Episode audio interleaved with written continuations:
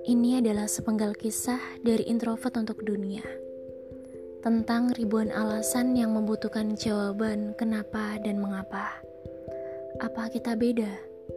Mungkin keasingan yang membuat sedikit memejamkan mata akan jadi lebih menenangkan.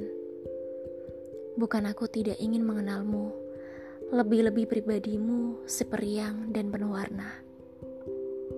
Sedang aku, aku hanya monokrom yang sendu ke sana kemari mencari pewarna yang setia, seorang pewarna yang tidak butuh kata.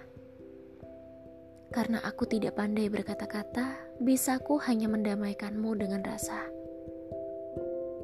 Apakah dunia merah jambu harus selalu dipenuhi dengan rayu? Aku sering menanyakan hal itu dengan beberapa orang yang kutemui, seperti Kuli yang sedang berkeringat untuk memenuhi nafkah keluarganya juga si pengayuh becak yang sedang mencari uang untuk sepatu baru anak kecilnya. Aku bertanya kepada mereka, apakah mencintai harus selalu dengan kata? Mereka jawab tidak, karena banyak pengorbanan yang jauh lebih bermakna dari semua kata yang berdiksi sempurna. Lalu, apakah salah jika aku mencintaimu dengan tanpa kata? Dunia ini sudah penuh dengan kata-kata Diksi-diksi yang indah kadang dirangkai untuk mengelabui korbannya, seperti petinggi yang berjanji akan memakmurkan rakyatnya. Namun, setelah berhasil menduduki jabatan, justru banyak yang hanya memperkaya dirinya. Lalu, dua perbedaan yang kontras telah aku temui di negeri ini. Ada yang mencintai dengan kata, ada yang mencintai dengan rasa.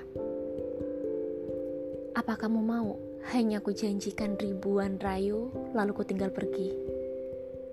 Aku bukan penyair yang pandai merangkai diksi. Aku pecinta yang sedang butuh warna. Karena warnaku sebelumnya sudah direnggut dengan senja-senja bajingan yang tidak tahu diri. Ditunggu dari siang, namun pergi begitu saja dengan malam. Orang pendiam seperti aku ini bisa apa? Mencintai juga tidak pantas, apalagi memiliki. Aku monokrom. Aku tanpa warna. Duniaku saat ini hanya hitam dan putih. Orang bilang seperti piano. Hanya tinggal bagaimana aku memainkannya. Tapi menurutku, aku juga butuh warna sepertimu. Karena instrumen musik piano tidak begitu indah tanpa hadirnya seorang kamu.